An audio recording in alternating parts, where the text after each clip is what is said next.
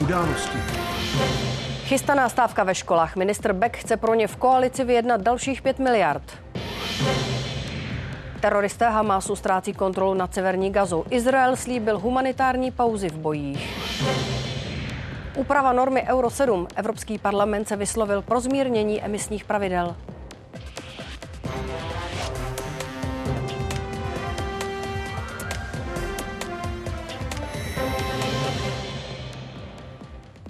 Právě začaly události s datem 9. listopadu. Dobrý večer. Vaše pozornost nás těší. Vítejte. Snaha zvrátit celodenní stávku ve školách, kterou odbory vyhlásili na 27. listopadu. Dnes s jejich zástupcem jednal šéf rezortu. Odborářům vadí, že školníkům, kuchařkám, uklizečkám a dalším neučitelským profesím mají příští rok klesnout platy v průměru o 2%. Mikuláš Beck teď chce pro svou agendu vyjednat 5 miliard navíc. Dohodli jsme se na tom, že se potkáme příští týden ve čtvrtek ve 4 hodiny v takovém užším formátu a budeme pokračovat v diskusi. Já mezi tím budu konzultovat eh, ve vládě a v koalici postoje a odbory mají určitý čas na to, aby také precizovali svoje postoje, ale nechci mluvit za odbory, ale dohodli jsme se na průběhu dalšího vyjednávání. My samozřejmě budeme chtít vést debatu i s asociacemi a dalšími, kteří nás eh, podporují, abychom v ten čtvrtek, tam to asi neuzavřeme, ale abychom věděli, eh, jak eh, tedy třeba oslovovat poslaneckou sněmovnu, případně další ve vládě. O chystané stávce bude v pondělí mluvit ministr školství i s premiérem. O den později se nad tématem sejdou lídři všech vládních stran. Bez jejich koncenzu už totiž nelze upravovat státní rozpočet na příští rok. Dobrý den, pane předsedo, dobrý den, tak se tady střídá. Mikuláš Bek se dnes potkal s Františkem Dobšíkem poprvé od chvíle, kdy školské odbory vyhlásili na 27. listopadu celodenní stávku. Na konferenci o školství Bek účastníky včetně Dobšíka ubezpečoval, že udělal pro zvýšení rozpočtu svého ministerstva maximum. Odvrátit stávku by podle něj mohly další miliardy navíc. Proti původnímu návrhu ministerstva financí by bylo z mého pohledu potřeba přidat o zhruba 5 miliard víc, než máme teď. Ke stávce se chce kvůli hrozícímu propadu platů přidat i hlavní kuchařka v brněnské základní škole Pavlovská Leona Červinková. V její jídelně si vydělají kvalifikované kuchařky do 25 tisíc hrubého, ty pomocné pak kolem 20 tisíc. Přijde mi to nefér. Přijde mi to nefér, protože uh Myslím si, že odvádíme stejně dobrou a tvrdou práci jako pedagogičtí pracovníci a nevidím důvod, proč by na nás mělo být nahlíženo z, z jiného pohledu. S protesty sympatizuje i hlavní kuchařka mateřské školy Luční ve Zlíně Jana Bečicová. Ona sama vydělává po 31 letech praxe zhruba 24 tisíc hrubého. Baví mě to pořád, protože bych tady opravdu jako nezůstala, protože stát na nás teďka v poslední době vůbec nemyslí a pořád nějaké škrty. Ministr školství Mikuláš Bek dnes tady na konferenci školství 2024 řekl, že prosazoval, aby jeho rezort získal další miliardy navíc i na úkor zvýšení schodku státního rozpočtu. Se svým návrhem ale uvnitř vládní koalice neuspěl. Ještě jednou dobrý Beck se po projevu sešel s Dobříkem v jednom z hotelových salonků. Po půlhodinové schůzce oznámili, že spolu chtějí o rozpočtu a o možném odvrácení stávky znovu jednat. V těch 270 miliardách a samozřejmě hodně závisí na tom, jak vzrostly počty dětí, počty úvazků učitelů. Teď budou probíhat jak jednání pana ministra eh, uvnitř, eh, i eh, vlastně u nás, kde se můžou potom ty naše přístupy protnout. Mluvit o rozpočtu školství budou v úterý i koaliční lídři. K přesunu v řádech miliard korun jsou ale zatím spíše zdrženliví. To, že by tam mohlo jít víc peněz, to je to, co bychom si všichni přáli samozřejmě, ale Eh, rozpočet a stav eh, rozpočtu v České republice je takový, jaký je. Pokud by mělo dojít tak významné změně, tak bez zesporu by se na to musela zhodnout vládní koalice jako celek. Na nějaké masivní přesuny teď před koncem roku se schválením toho rozpočtu eh, to nevidím. Jestli dneska je těch 5 miliard tak zásadních, tak se pojďme o tom ještě bavit. Pokud by se koalice na přesunu dalších miliard pro školství v rozpočtu na příští rok dohodla, musela by tyto peníze vzít jiný jiným rezortům nebo z rozpočtové rezervy. Redakce a Petr Vašek, Česká televize. Stávka má poslední listopadové pondělí omezit provoz mateřských, základních a středních škol. Celkem je navštěvují bezmála 2 miliony dětí. Vyučuje na nich 150 tisíc pedagogů. No a těm plat v posledních letech roste jako málo kterým jiným státním zaměstnancům. Před pěti roky brali v průměru 35 tisíc hrubého a loni 48 tisíc. Stouply i výdělky zmíněných nepedagogických profesí ve školství. A to třeba kuchařskám nebo uklízečkám. Ty se ale stále drží výrazně pod republikovým průměrem. Vládní ekonomické plány proberou i události komentáře v debatě s místopředsedou sněmovny zahnutí Ano Karlem Havlíčkem, jeho českým hejtmanem Martinem Kubou z ODS a zvláštním zmocněncem pro energetickou bezpečnost Václavem Bartuškou. Události pokračují už za chvíli třeba reportáží o tom, jak se se šířením podzimních nemocí mění dostupnost léků. Palestinské brigády Al-Quds oznámily, že jsou ze zdravotních a humanitárních důvodů připraveny propustit dvě izraelská rukojmí, ženu a chlapce. Podle zveřejněné nahrávky teroristů se to stane po splnění blíže nespecifikovaných opatření. Bílý dům pak uvedl, že Izrael slíbil čtyřhodinové pauzy v bojích na severu pásma Gazy, aby umožnil bezpečný odchod palestinců z oblasti. Premiér Netanyahu zopakoval, že dokud nebudou na svobodě všichni unesení, nebude ani příměří. Sheikh Radván, severozápadní čtvrť Gaza City. Izraelští vojáci ukazují novinářům zničený dům a v něm, jak říkají, jednu ze základen, kde Hamás chystal teroristické útoky. Jsou tu zbraně, součástky útočných dronů, potapěčské vybavení nebo návod na výrobu výbušnin přilepený na zdi. U schodů je vchod do tunelu a nahoře běžný byt, včetně dětské ložnice. Není to tak, že se zbudím a můj cíl je zničit město. Mířím na nepřítele, pouze na nepřítele.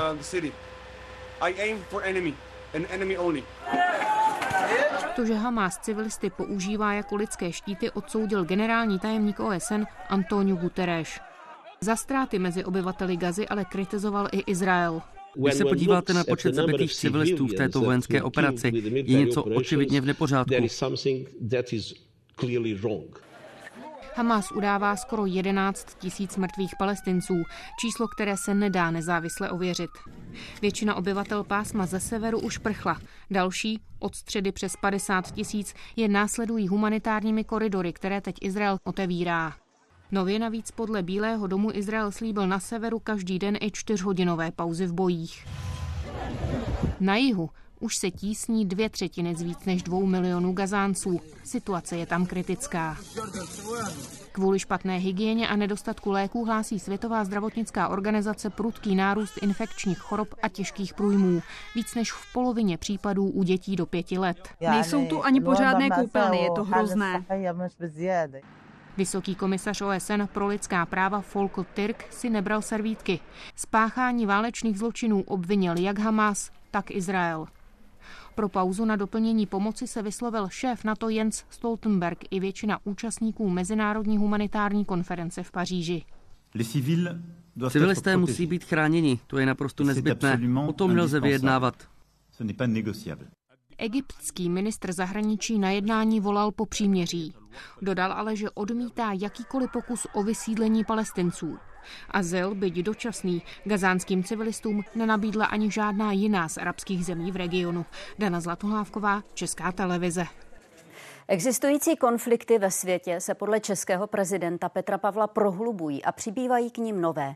Slova zazněla na konferenci Diplomacie a bezpečnost. Hlava státu zmínila i situaci na Ukrajině a vyzvala k její další podpoře a dodala, že rozkolísání mezinárodního řádu je znát skoro všude. Probouzejí se zamrzlé, zamrzlé konflikty, například na Kavkaze. Stále větší znepokojení eh, eh, způsobuje vlna vojenských eh, převratů v afrických zemích, především Sahelu.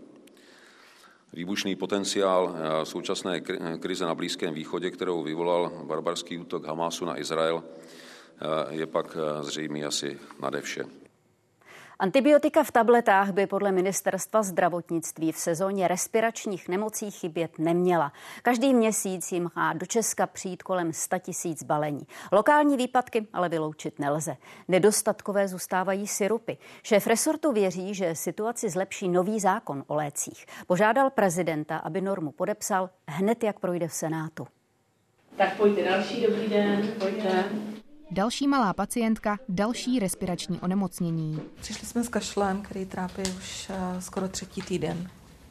A ten kašel se zhoršuje? Uh, nelepší se. Dceru Denisu navíc při zakašlání bolí na hrudi. Lékařka má podezření na zápal plic. Já se pošlu na tam to úplně nevypadá dobře, průžka. A dávám antibiotika. Vzhledem k tomu, že se mi teďka opravdu zápaly plic opakují, chodíme opakovaně děti a ono se nelepší, naopak se spíš zhoršuje, tak už mi asi dost bylo úplně jiného teďka, než přikročit k antibiotikům. Nejen zápaly plic, ale i spálové angíny jsou důvodem, proč je v této ordinaci v posledních dnech plno a telefony stále zvoní. Dáte si 5 ml ráno, 5 ml odpoledne. Sezóna respiračních onemocnění se pomalu rozjíždí. Aktuálně připadá na 100 000 obyvatel skoro 12 pacientů. Nejvíc nemocných je mezi dětmi mladšími pěti let. Začínají chodit s kašlem, s rýmou, školkové děti naprosto typicky, začínají záněty průdušek. Jak už jsem řekla, už bohužel se opět objevují streptokokové infekce, takže začínáme. Zatímco syrupů proti horečce a antipyretik obecně by měl být v lékárnách dostatek, antibiotických syrupů bude málo kvůli výpadku u hlavního dodavatele. Dodávky by měl obnovit v prosinci. Ministerstvo počítá s tím, že toto období pomohou překlenout tablety. Tam vlastně jsou tabletové formy jako u penicilínu, které se vlastně dodávají s dělící čárou půlící rýhou, to znamená, jako lze to využít vlastně i pro dětské pacienty. Máš třeba problémy také na podzem, že ne, nebýváš nemocná moc? Ne, hm? to spíš mamka. U dospělých zatím čísla tak rychle nerostou. Hygienici radí nechat děti doma, zvýšit příjem vitamínů a tekutin a dodržovat klid na lůžku. Martin Štěpánek a Klára Ješnová, Česká televize. Dovolání zamítnuto nejvyšším soudem, trest pro bývalého šéfa lesní zprávy Lány Miloše Baláka platí. Kauza se týkala těžby kamene. Škoda přesáhla půl druhého milionu. Nižší instance Balákovi za vědomý podpis nevýhodné smlouvy uložili pokutu 870 tisíc a zákaz činnosti na dva roky. Za jiný případ ho už dřív justice poslala do vězení. Tehdejší prezident Zeman ale svého spolupracovníka omilostnil. Detaily nabízí web ČT24. Spornou normu Euro 7 čekají změny. Evropský parlament se vyslovil pro mírnější regulaci emisí výfukových plynů a prodloužení lhůt. Už v září se na podobných úpravách shodly členské země EU. Teď míří text ke konečnému projednání. Komise přísnou předlohu obhajovala ochranou ovzduší. Kritici poukazovali na ohrožení automobilek a zdražení vozů. Je to právě rok, co Euro 7 zalarmovalo politiky i výrobce aut napříč Evropou. Ještě před koncem spalovacích motorů v roce 2035 chtěla Evropská komise zpřísnit limity pro výfukové plyny. Emisní nařízení ale projde zásadní redukcí. Ty automobilky, co vsadili na tu elektromobilitu, tak musí hodně investovat a ne teď je nutit, jako ještě dál jako mučit ty spalovací auta, to nedává žádný smysl. Vyjednávání v 700 hlavém sboru vedl právě Alexandr Vondra. Europarlament podpořil změny, které limity z výfuků přiblíží platné regulaci Euro 6 a u nových technologií dá automobilkám víc času na přípravu se podařilo nalézt rozumný kompromis mezi zájmem na ochranu přírody a lidského zdraví a mezi tím, aby nebyla úplně podlomena konkurenceschopnost evropského automobilového průmyslu. Týká se to třeba limitů na obrus částic z brzd a pneumatik. Technologie, která má podle zákonodárců smysl, protože ji lze využít i u elektroaut. Pro návrh hlasovali hlavně lidovci, konzervativci a další napravo od středu.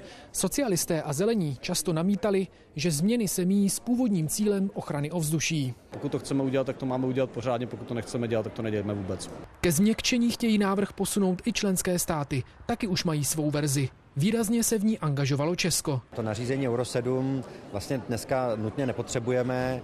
Ukazuje se, že například u emisí výfukových plynů eh, je obecně podpora tomu zůstat na stávající aktuální platné normě. Zbývá jediné najít průnik mezi pozicí členských států a verzí, kterou dnes přijal Europarlament. Tentokrát jsou neobvykle blízko. I proto Aleksandr Vondra věří, že konečná dohoda na textu bude ještě do Vánoc. Petr Obrovský, Česká televize Brusel. Premiér Fiala pokračuje v návštěvě Afriky. Jako vůbec prvního předsedu zdejší vlády ho přijali v Ghaně. S tamním viceprezidentem mluvili o stavbě mostů, prodeji letounů L-39 nové generace nebo výrazné pomoci Česka v oblasti zdravotnictví. Podnikatelé i politici vidí v této západoafrické zemi příležitosti i přesto, že loni vyhlásila státní bankrot a nesplácí závazky. Ghana dělá všechno pro to, aby začala plnit mezinárodní závazky a všechny podmínky, které má. A je zde velmi dobrý předpoklad, že se to v průběhu několika dalších měsíců významně spraví. Ghanská vláda ocenuje příspěvek Česka našemu zdravotnictví prostřednictvím mise Medevac, která nám zpřístupnila zdravotní péči. which has provided access to healthcare Lékaři i odborná centra se stále častěji setkávají s pacienty, kterým úřady odpírají vyšší příspěvek na péči anebo snižují invalidní důchod, přestože se jejich stav nelepší. Mnohdy se to týká onkologicky nemocných, nevidomých anebo lidí s roztroušenou sklerózou. Stalo se to i tématem pro zástupce ministerstva a vedení sociálního výboru sněmovny. A takhle se Stanu a teď se mi tam pěkně hlava. Ivanu Bujkovi úřady snížili příspěvek na péči. Od roku 2015 měl přiznaný druhý stupeň. Tady od ten je to síly všechno dolů. I podle lékařských zpráv se mu zdravotní stav zhoršuje. Závislý je na pomoci zetě. Požádal o třetí stupeň. Úřady mu ho ale nepřiznali. Navíc mu vzali druhý a nechali jen první. Místo 4400 jen 880 korun. Člověk, jak jednou onemocní, tak to zůstane. A jde to ještě k horšímu. Snížení stupně závislosti může vyplývat například ze skutečnosti, že u některých osob postupem času dochází díky léčebné a sociální rehabilitaci ke zlepšení funkčních schopností nutných pro zvládání základních životních potřeb. Posuzoval to někdo?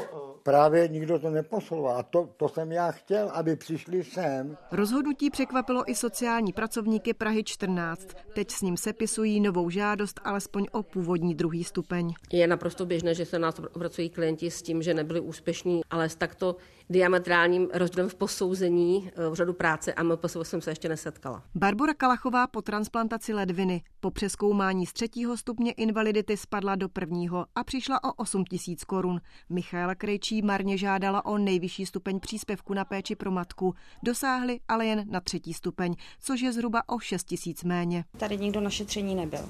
Napsali, že vlastně maminka je schopná se sama najíst, což vlastně není. Ona vlastně se ani posteli neotočí. Podobné problémy lidé řeší s lékaři i organizacemi. Ty opakovaně jednali s Ministerstvem práce a sociálních věcí i lékařskou posudkovou službou. Podle ministra Mariana Jurečky se tématem zabývá i pracovní skupina. MPSV a lékařská posudková služba tvrdí, že jsou to velmi individuální a ojedinělé případy, tak tomu naše praxe nevypadá. My to velmi často vidíme v příbězích těch lidí. Nedochází k tomu, že by eh, chtěli nastupovat na ten volný trh práce, protože se obávají toho, že jim bude snížen důchod. Zpráva sociálního zabezpečení postup dosud zdůvodňuje pokroky v medicíně. Další jednání by mohla být ještě do konce roku. Otevřít má změny v přístupu k posuzování invalidity. Richard Samko Alea Surovcová, Česká televize. Bankovní asociace zhoršila výhled domácí ekonomiky. V nové prognóze čeká letos propad HDP o 4 desetiny procenta, při průměrné inflaci skoro 11% Příští rok předpovídají zástupci finančních domů růst do 2% Tempo zdražování by mělo zbrzdit na 2,5% Problémem zůstávají malé útraty domácností i slabší zahraniční poptávka. Nekonečno práce se skrývá za novou ilustrací máje Karla Hinka Máchy. Míla Firstová zvolila starou techniku leptu. České motivy se objevují skoro v každé její grafice, včetně přebalu desky kapely Coldplay. Teď výtvarnice představuje svou nejnovější tvorbu v Pražské galerii Miro. Byla to pro ní zatím nejtěžší zakázka. Myslela si, že verše Karla Hinka Máchy ilustrovat nedovede. Pomohly jí verše, zvlášť ten titulní.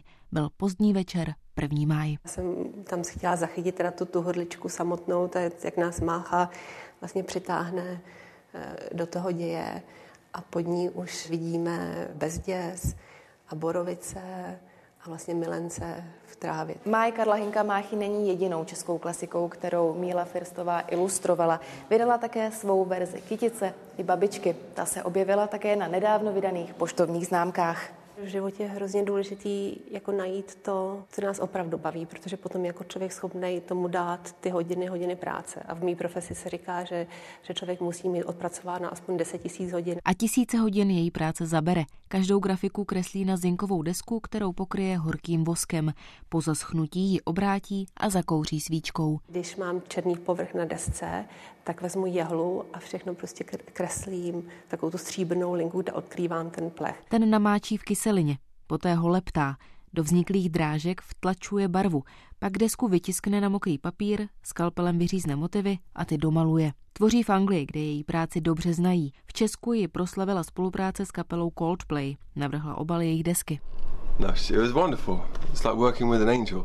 I like the incredible amount of skill and artistry that's in it. You can just, it just feels like so much work and love and it feels very rich. Nabídek na návrhy dalších desek dostala mnoho, vytvořila ale už jen tu pro Miroslava Žbirku. Klíčová je pro ní různorodost projektů. V těchto dnech vzniká murál, který připravila pro fasádu domu v centrálním Londýně. Grafika má připomenout bývalou porodnici a oslavovat mateřství. Anna Zuzánková, Česká televize. Slunečné počasí posledních dní střídá déšť a vítr. Jaký bude víkend? A přijde letos Martin na bílém koni? Víc o počasí s Alenou Zárybnickou živě z Krkonoš. V Česku se letos rozestavilo míň bytů než loni a stát to chce změnit. Budování těch obecních slibuje podpořit miliardami korun. Víc k tomu kolem půl osmé. Neznámý útočník v Madridu postřelil bývalého zakladatele krajně pravicové strany Vox a předsedu katalánských lidovců. Motiv útoku zatím není známý. Španělsko v posledních dnech zasáhly protesty proti amnestii pro katalánské politiky zodpovědné za referendum z roku 2017. Výměnou mají podpořit menšinovou vládu socialistů. Obě strany dohodu dnes potvrdili. 78-letý Alejo Vidal Quadras šel po madridské ulici, když mu neznámý muž prostřelil čelist. Proč spolu s komplicem čekal na někdejšího lídra katalánských lidovců, zatím není jasné. Podle prvních zpráv je bývalý politik mimo ohrožení života. Žádám rychlé vyšetřování, které čin objasní a dopadne výniky. Španělskem v posledních dnech zmítají protesty. Tisíce lidí v ulicích demonstrují proti politické dohodě, která vrací do hry trestně stíhané katalánské separatisty. Chceme oznámit dohodu mezi socialisty a katalánskou stranou Junts. Dosáhli jsme dohody o jmenování Pedra Sancheze předsedou vlády.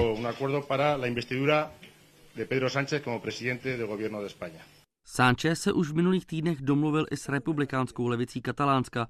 Podle dohody získají amnestii ti, kteří se v roce 2017 podíleli na referendu o katalánské nezávislosti. To úřady už od začátku prohlašovali za protiústavní a proti hlasujícím tvrdě zasahovali. Lídr separatistů Carles Puigdemont se kvůli tomu dodnes před španělskými úřady ukrývá v Bruselu. Dohodli jsme se se společným cílem přispět k vyřešení historického konfliktu mezi Katalánskem a Španělskem. Socialisté si podle svého vyjednavače nové referendum nepřejí. Prvním krokem jejich menšinové vlády bude zisk důvěry v parlamentu. Díky podpoře katalánců i levicové aliance Sumar získají těsnou většinu. Hlasovat se bude příští středu. Jan Žápek, Česká televize. Rychlý pokles cen pohoných hmot se zastavil. Nafta za poslední týden zlevnila průměrně o desetník zhruba na 39 korun a 31 haléřů za litr. Benzín stojí míň než 39 korun a jeho cena stagnuje. Nejvíc platí řidiči v Praze, nejmíň v Ústeckém a Královéhradeckém kraji. Analytici očekávají, že se ceny paliv mohou dál spíš snižovat. Listopad, měsíc boje proti rakovině plic. Podle lékařů z Masarykova onkologického ústavu jde o nejčastější nádor, na který Češi a Češky umírají. Nemocní totiž často vyhledají pomoc až v okamžiku, kdy už je příliš pozdě. Teď na toto nebezpečí upozorňuje kampaň Nekašli na to. 58-letý Petr Váša kouří od 16 let až 15 cigaret denně. Kvůli tomu a svému věku spadá do rizikové skupiny. Má nárok na bezplatné vyšetření. Přišel na něj dnes. Kouřím hodně rád a nekouřím ale moc. Já hodně zpívám. Myslím si, že to je velmi cený, že člověk může takhle vlastně celkem snadno podstoupit preventivní vyšetření. Nádech prudký screeningu, tedy cíleného hledání časných fází nemoci u vytipované skupiny lidí, se mohou zúčastnit dlouhodobí kuřáci nad 55 let bez další vážné nemoci. Kdyby něco bolelo, tak hnedka řekněte. Jo? Bylo osloveno asi 7 tisíc osob, z toho pouze asi 2,5 tisíce podstoupilo CT vyšetření, u 3% byl výsledek pozitivní. Po takzvané spirometrii a poslechu lékařky v ambulanci následuje většinou do týdne CT vyšetření. A jdeme na to. U pacienta nic rizikového není, je to v pořádku. Spolu s novým screeningovým programem bylo loni nově založeno v Masarykově onkologickém ústavu Plicní centrum. Jeho hlavním cílem je starat se o pacienty s rakovinou plic nebo s podezřením na ní. Ročně ošetří 400 pacientů. Rakovina plic je nebezpečná tím, že dlouho nebolí a když už začne, je pozdě, nenápadně, hubnutím, zhoršením kašle, zadýcháváním. V pouhých 43 letech jí onemocněla nekuřačka Ilona Mančíková a založila organizaci pro pacienty s touto diagnózou Moje plíce a kampaň Nekašli na to. Nebojte se, protože my jsme důkazem toho, že rakovina plic se dá léčit. Já sama jsem absolvovala eh, chirurgické odstranění části plic. Klíčem je podle ní přijít včas a žít zdravě. Proto i lékaři apelují na pacienty prostřednictvím screeningu, aby kouřit přestali. Petr Váša o tom teď prý bude přemýšlet. Veronika Červinková, Česká televize Brno. Škodu poraní srážce vlaku s kamionem v Pelhřimově vyčíslila zpráva železnic bezmála na 2 a 3 čtvrtě milionů korun. Souprava z devíti pasažéry se střetla s autem na přejezdu opatřeném světly a závorami. Vůz skončil na boku. Nikdo nebyl zraněn. V sobotu je svatého Martina. Jakou barvu bude mít letos jeho kůň a jak bude vypadat počasí o víkendu i příští týden, ptám se Aleny Zárybnické. Pronostika o Martinovi na bílém koni je bez pochyby nejznámější. Ovšem, přijet může i na koni šedém, který má představovat mlhu a podle pranostik věstí zimu hodně střídavou, anebo na koni žlutém, který má představovat sucho a podle pranostik by pak měla být zima nejenom suchá, ale taky tuhá. Za posledních deset let přímo na svatého Martina sněžilo v Česku jen čtyřikrát, a to na horách. Ve středních a nižších polohách, tedy na stanicích v nadmorských výškách do 600 metrů nad mořem, napadl sníh nový jen 11. listopadu. Eh, a to jen jednou v roce 2016. Stanice v Pražském soudole naměřila 2 cm. Na sníh nejbohatší byl v posledních deseti letech rok 2016. Na Luční boudě bylo 20 cm. Dnes tam automatická stanice měří 5 cm, ale nafoukáno je na některých místech i dvakrát tolik. První vločky nové sezóny se tady na hřebenech Krkonoš objevily letos 8. října, tedy o tři týdny později než v loni. Eh, Krkonoše jsou tak jediným pohořím, místím, kde na hřebenech leží poprašek sněhu nebo alespoň pár centimetrů, a to v polohách nad tisíc metrů nad mořem. Zítra se nad námi bude vlnit studená fronta e, a to znamená, že déšť může v polohách nad tisíc metrů nad mořem od západu přecházet ve sněžení. Nejvíc sněžit bude v sobotu. Na Šumavě může spadnout až 15 cm sněhu, jinak většinou do 3 cm. Hranice, od které bude déšť se měnit ve sníh, se sníží do 700 metrů. Podobně to bude i v neděli. Napadne maximálně do 2 cm a v pondělí pak nad 800 maximálně 2 cm sněhu. V sobotu čekáme srážky na většině území a protože nedělní ráno bude chladné, může se ojediněle tvořit náledí. Studené bude i pondělní ráno. Při vyjasnění budou i 4 pod nulou. Pak teploty porostou. Nejteplejší vychází zatím úterý, kdyby se maxima měla dostávat až ke 13 stupňům. Pak by se mělo znovu ochladit. Ráno půjdou teploty k nule a odpoledne bude kolem 7 stupňů. Příští víkend tak zatím modely počítají s maximy kolem 5 stupňů Celsia. Srážky na horách budou tedy postupně pak přecházet ve druhé části týdne ve smíšené či sněhové a sněhové vločky se postupně mohou objevit i ve vyšších polohách, tedy nad 600 metry nad mořem.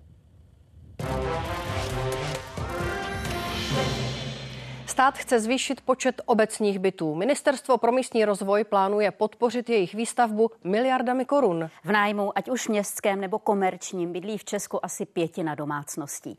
Nejvíc takových bytů je k mání v Praze, přes 30 tisíc. Magistrát teď vytipoval vhodné pozemky, kde by mohly vyrůst další.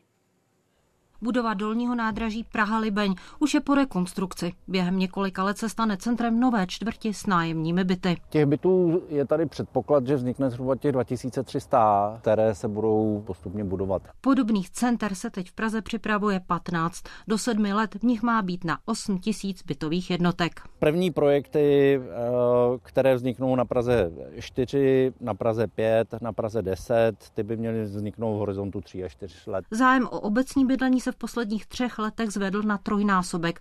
Důvodem jsou především drahé hypotéky. Spustili jsme zatím první program za miliardu, za to vznikne po celé republice zhruba 500 bytů a máme připraveno 8 miliard v národním plánu obnovy. Nejde jen o výstavbu nových domů. V řadě obcí se přestavují třeba ubytovny nebo kanceláře. Příkladem je i 22-patrový hotel v Praze na Opatově tak aktuálně vstupujeme do vzorového bytu o velikosti 3 plus KK. Vzniká zde 272 bytových jednotek. A pak je tu třetí cesta. Oprava bytů, které jsou volné, ale ve špatném stavu. Touto cestou jde i Žďár nad Sázavou. Místo, ve kterém žije 21 tisíc lidí, má 450 městských bytů pro sociálně slabé a seniory. Tak tohle je původní byt 1 plus 0, kde už stavba započala. Aktuálně je volných 15 nájemních smluv, zájemců je ale víc než 400. Většina obcí počítá s tím, že lidé budou platit nájemné, které je pro dané místo obvyklé. Připravují se ale i levnější varianty. V tom dostupném nájemním bydlení se dá pracovat v území s nižším nájemním, než je obvyklým pro určité definované skupiny. Mladé rodiny do 35 let, seniory nebo lidi, kteří pracují na takzvaných strategických pozicích. To jsou třeba zdravotní sestry, policisté, hasiči nebo učitelé. Redakce Hana Vodlíčková, Česká televize. Přidávám pár čísel. V září vydali úřady zhruba 6 tisíc stavebních povolení. To je o desetinu míň než před rokem. I kvůli inflaci se ale zvýšila hodnota projektů, které razítko získaly. Meziročně o 11% Letos vzniká i míň jednotek v bytových domech. Za první tři čtvrtletí klesla výstavba proti Loňsku o 6,5% Někteří developeři i obce své plány odkládali a teď se k ním postupně vracejí. Nové využití tak získávají i léta opuštěné lokality. Kasárna v Plzni na Slovanech vojáci opustili v roce 1992. Takhle 30 hektarový areál vypadá dnes. Louže, bahno a hromady starého betonu a zrezivělého železa. Už za tři roky by se ale tady mohly začít stavět stovky nových bytů. Soukromý majitel pobořené budovy strhl už před 20 lety. Stejnou dobu pak čekal, až bude moct na pozemku začít stavět bytové domy.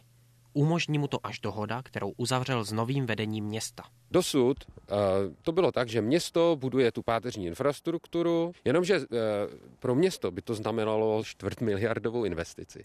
Takže my jsme se dohodli úplně opačně. Vlastník pozemků vybuduje vodovodní řad, kanalizaci a dopravní komunikace. Pak areál odevzdá městu. To pětinu plochy za výhodnou cenu odkoupí a vybuduje obecní byty.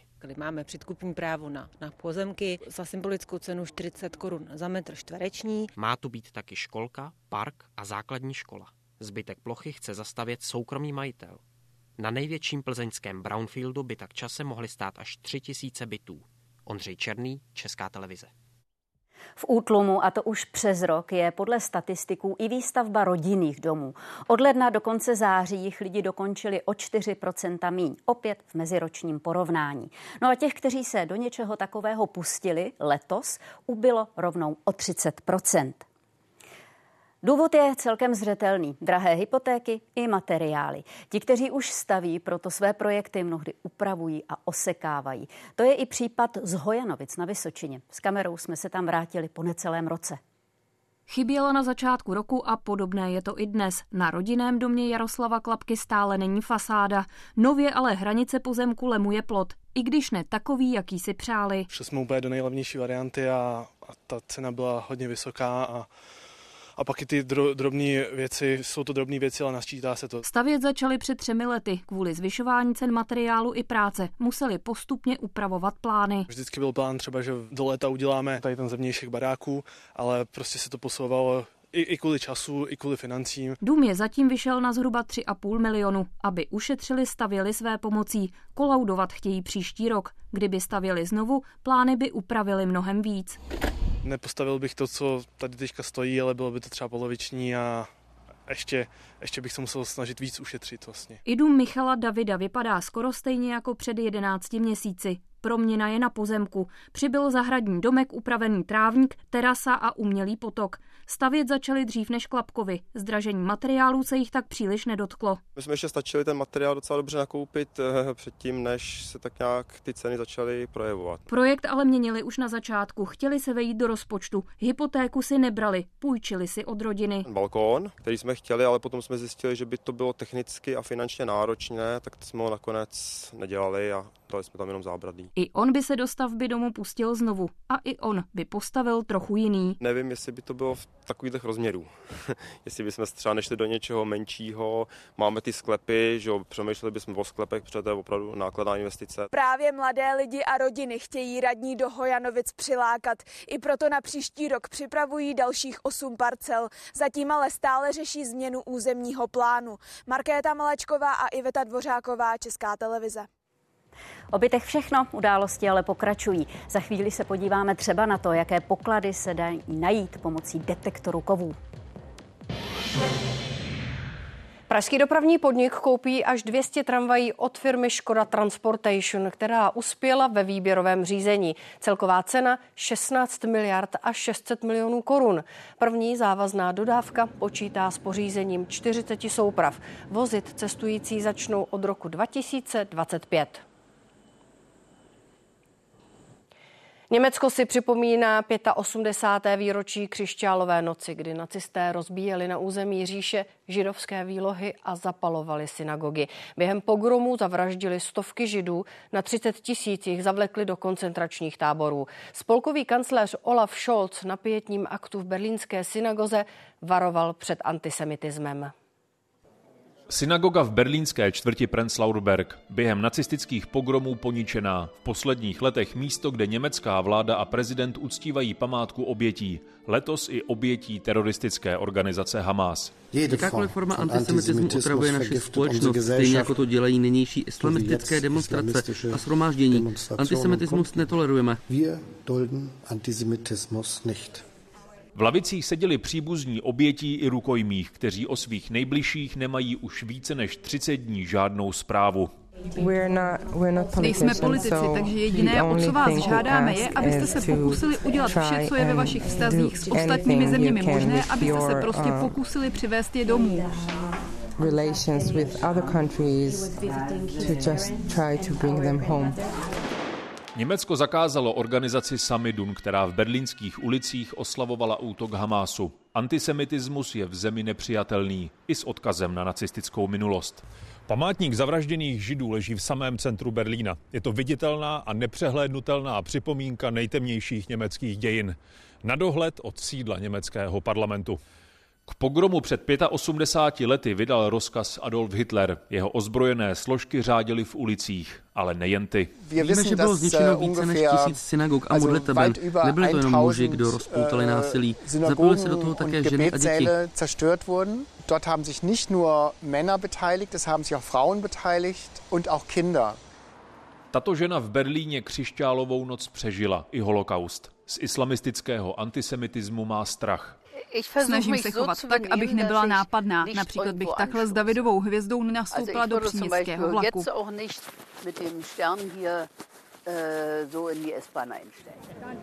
Výročí křišťálové noci je letos aktuální. Podle kancléře je útok na Židy v Německu útokem na celou společnost. Z Berlína Pavel Polák, Česká televize. Energetické společnosti ČES klesl čistý zisk. Od ledna do září vydělala zhruba 30 miliard korun. O 43% míň než před rokem. Důvodem je hlavně nová daň z neočekávaných zisků, která vznikla kvůli vysokým cenám energií. Spotřeba elektřiny klesá u klientů Česu meziročně o 4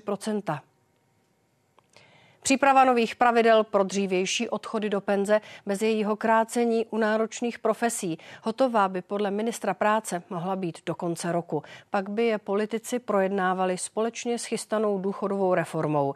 Návrh počítá taky s tím, že by zaměstnavatel za tyto lidi odváděl do důchodového systému víc peněz.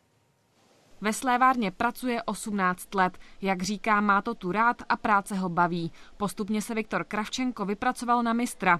Hliněk má 730 stupňů, max 750 stupňů. Ve výrobě tu dělá kolem 50 lidí. Že je práce náročná, potvrzuje i vedení firmy, a to nejen kvůli teplu. Formy jsou ošetřovány keramickými a grafitovými nástřiky, které se uvolňují do prostředí, takže dalším aspektem je prašnost. Pohybujeme se ve slévárně, kde vznikají odlitky v řádově o 10-12 kg hmotnosti, takže nějaká fyzická náročnost, při takzvané kategorizaci prací se posuzuje 13 faktorů. Lidí, kteří jsou ve třetí a čtvrté kategorii rizika, je zhruba tři čtvrtě milionu. Zařazení mezi takzvané náročné profese se ale bude zřejmě týkat jen části z nich. Kde opravdu je tam negativní dopad na lidské zdraví, fyzické zdraví toho člověka a kde nemůžeme jinými ochrannými prostředky kompenzovat ty dopady. Nechci tady dneska říkat, jestli to budou desítky tisíc nebo jednotky desítek tisíců, to je opravdu předčasné v tento okamžik. Na definici náročných profesí se pracuje. Zástupci ministerstva práce už kvůli tomu předali další potřebné údaje rezortu zdravotnictví. Tam je teď společně s vlastními daty porovnávají a vyhodnocují. Naším cílem je výjít z konkrétních dat uh, nemocnosti, uh, jak krátkodobé, tak dlouhodobé, včetně dat o invaliditě. Z druhé strany mít množství osob, které jsou v riziku a současně uh, mají přiznané onemocnění nemoci z povolání. Hotovo by mělo být do konce roku. Zástupci odboru si ale stěžují, že naposledy s nimi lidé z ministerstev jednali před létem. Navíc požadují, aby okruh těch, kteří budou mezi náročné profese spadat, byl širší. Pokud by přišli opravdu s nějakými nezlomnými argumenty, že třeba určitá práce zařazená do třetí kategorie je plně kompenzovatelná, že ten člověk nemá omezení pro další práci, bylo by možné o tom jednat. Ale to zatím se nestalo nestalo a proto náš požadavek je třetí a čtvrtá kategorie rizika. Podle zástupců zaměstnavatelských svazů je potřeba návrhy projednat i přímo s firmami. Už dříve taky upozorňovali, že vysoký počet dřívějších penzí by mohl znamenat další výpadek pracovních sil. Kateřina Samková, Česká televize. Lék Kaftrio pro nemocné s cystickou fibrózou bude dostupný i pro menší děti. Evropská léková agentura schválila jeho použití pro děti ve věku od dvou do pěti let. Doteď byl v Evropě dostupný od 6 let. Určený je pro ty, kdo mají alespoň jednu delta mutaci. Pomoct tak může většině pacientů s tímto vzácným genetickým onemocněním. Zhruba před hodinou začal v pražských Vršovicích fotbalový zápas mezi Sláví a AS Řím. Utkání policie vyhodnotila jako rizikové, proto už během dne na fanoušky ve městě dohlížely pořádkové jednotky. Podrobnosti přidá Tomáš Síkora. Tomáši, řešila policie během dne nějaké konflikty?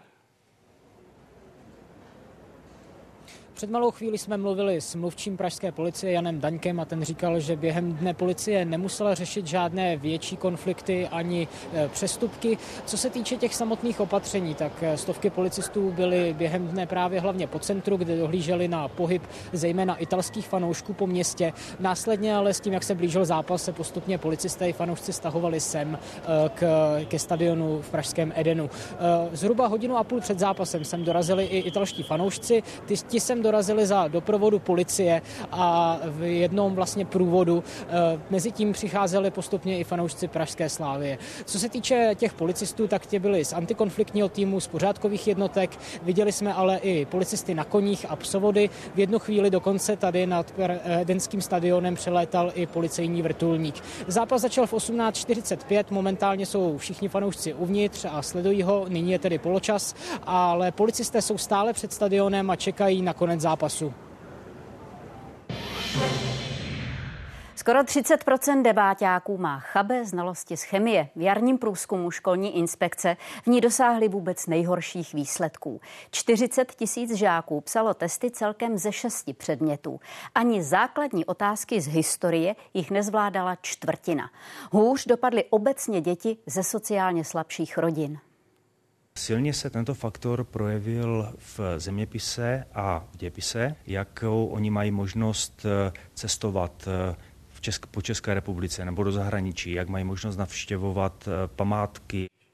Líp se orientovali ti školáci, kterým kantoři dávali příklady z reálného života, pozitivně je motivovali a hodnotili slovně. Na to všechno ale učitelé potřebují čas, třeba v dělených třídách.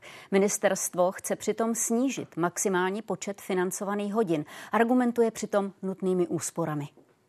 V souladu se strategií 2030 plus jsme eh, posunuli nějaké výuky, nějaké výukové metody právě k tomu, aby jsme zefektivnili výuku našich žáků a studentů, aby jsme jim dávali větší eh, čas a větší prostor pro to, aby se naučili to, co potřebují. A teď do našeho systému vstupuje právě ta nejistota toho, jestli budeme to, co jsme se naučili, schopni udržet. Jak v budoucnu fungovat a nenechat za sebou špinavou stopu? Otázka, nad kterou si láme hlavu čím dál víc firem. Mnohé z nich už k takzvané bezemisní ekonomice přecházejí. Zaštítit je má nová platforma, která bude zájmy těchto podniků prosazovat. Fungovala tady od 80. let minulého století. Elektrárna Mělník denně spotřebovala asi 9 tisíc tun uhlí. Teď už je dva roky mimo provoz. Výroba tepla v okolních dvou teplárnách tady zatím zůstává. I tu ale v budoucnu čeká proměna. My jsme dali veřejný příslip, že do roku 2040 budeme uhlíkově neutrální. Gro toho je odchod od uhlí. My připravujeme všechny naše uhelné lokality na to, že ukončíme spalování uhlí a rádi bychom mezi rokem 2026 až 2029 všechny naše teplárny, včetně všech bloků v Mělníku, přestavěli na plyn. Do roku 2030 by společnost ráda odstavila většinu uhelných zdrojů. Bez této komodity se v budoucnu plánují obejít i v Plzni. Jsme připraveni, že do roku 2030 opustíme spalování uhlí. Máme již rozjetý projekt dekarbonizace. Investice do dekarbonizace firmy vyjde i na desítky miliard korun. Pomoc mají dotace. Na podporu energetické nezávislosti Česka by mělo do roku 2030 jít až 500 miliard korun. Je to spíše o dobrém nacílení využití těchto prostředků, tak aby mířili eh, k těm eh, sektorům, které mohou přinést významnou úsporu emisí. Česká republika v posledních dvou letech zažívá doslova renesanci rozvoje fotovoltaiky. Ještě je dobré, aby jsme k tomu přidali například rozvoj větrné energetiky nebo bioplynových stanic. Prosazovat přechod na klimaticky neutrální technologie plánují i samotné firmy, mezi nimi i ty, které sami patří k velkým znečišťovatelům. Chtějí tak zabránit ztrátě konkurenceschopnosti českých podniků. My chceme v první řadě odideologizovat eh, diskusi o dekarbonizaci, o Green Dealu v české společnosti.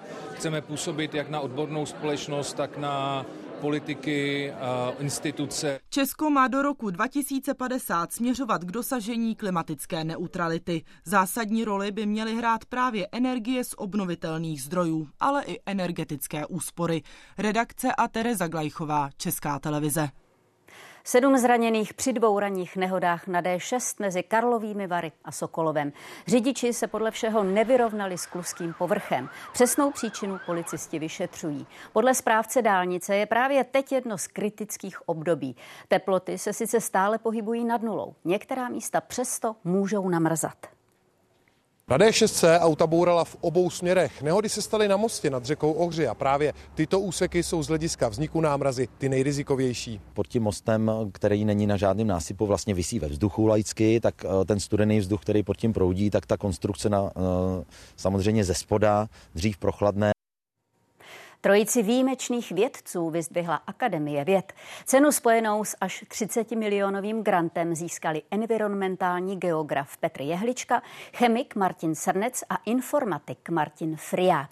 Z peněz můžou financovat svůj výzkum i vlastní tým. Zmíněnou prémii dostali badatelé za dosavadní špičkovou práci, která se dotýká globálních problémů.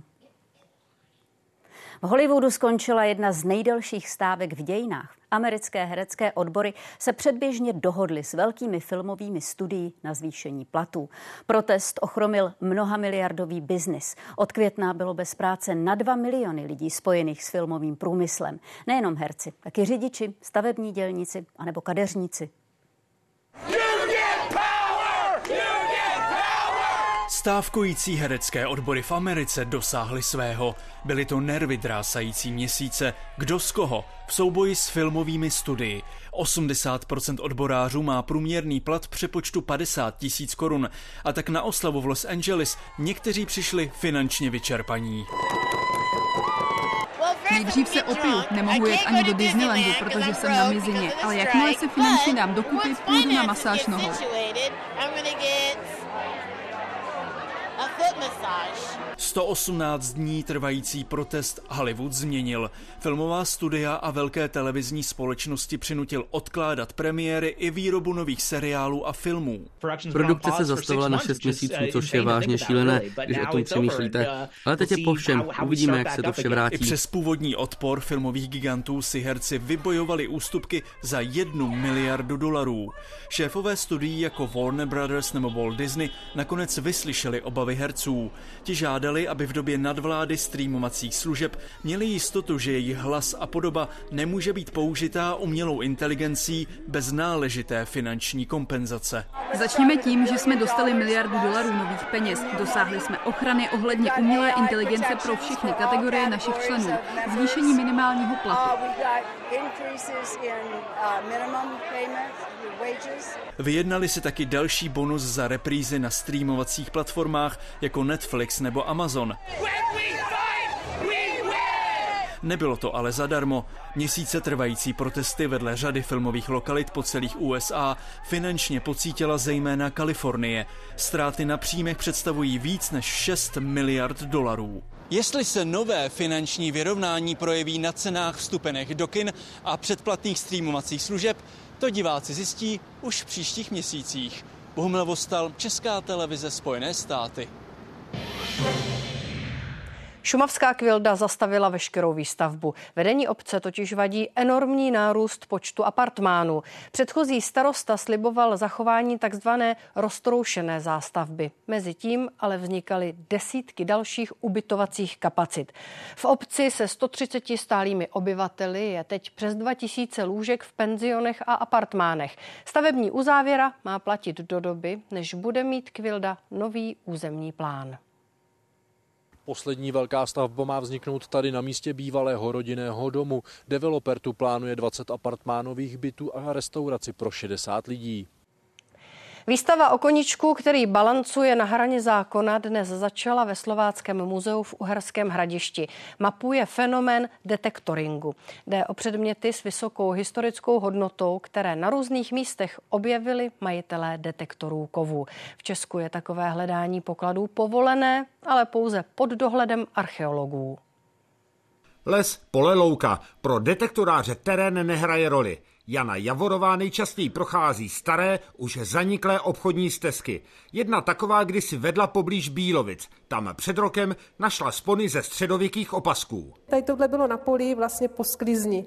Teď nevím, co na tom poli, jestli byla řepka nebo jestli bylo obilí, to už si nepřesně nevybavím. Všechny vyslavené předměty spojuje materiály, jsou z kovu. Všechny byly objeveny detektory kovu v okrese Uherské hradiště. Zahrnují mimořádně široké časové období. Nejstarší pocházejí z enolitu, nejmladší pak z počátku 20. století. To je přibližně 6000 let. Na Uhersko-Radišsku působí 10 detektorářů, kteří pracují pod dohledem archeologů. Stovky dalších o takovou spolupráci nestojí a bádají sami. Tím ale porušují zákon. Spousta nálezů mizí, ať už v soukromých sbírkách, anebo, eh, nebo na černém trhu. Jsou lidi, kteří s detektorem umí prokazovat archeologii neocenitelné služby a jsou taky lidi, kteří umí dělat neuvěřitelné škody. Vystavené předměty pocházejí z tzv. prospektorských bádání, při kterých hledače doprovázejí archeologové. Tím činnost amatérů nejen legalizují, ale zároveň případné nálezy ochrání před neodbornou manipulací. Mně to dává smysl, protože ta, ta historie se poskládá, díky těm nálezům se poskládá nějaká událost v tom území. Naopak nelegálním detektorářům hrozí pokuty. Podle nového památkového zákona by neměli mít nárok ani na odměnu za nálezy. Josef Kvasnička, Česká televize. V Pražském foru Karlín právě vyhlašují české ceny za architekturu. Celkem se o ně uchází 31 projektů. Díváme se tam v přímém přenosu. Vítěze vybrala mezinárodní porota spolu s Českou komorou architektů. A připomínám, že události komentáře rozeberou i vládní ekonomické plány. V debatě s místopředsedou sněmovny zahnutí Ano Karlem Havlíčkem, jeho českým hejtmanem Martinem Kubou z ODS a zvláštním zmocněncem pro energetickou bezpečnost Václavem Bartuškou.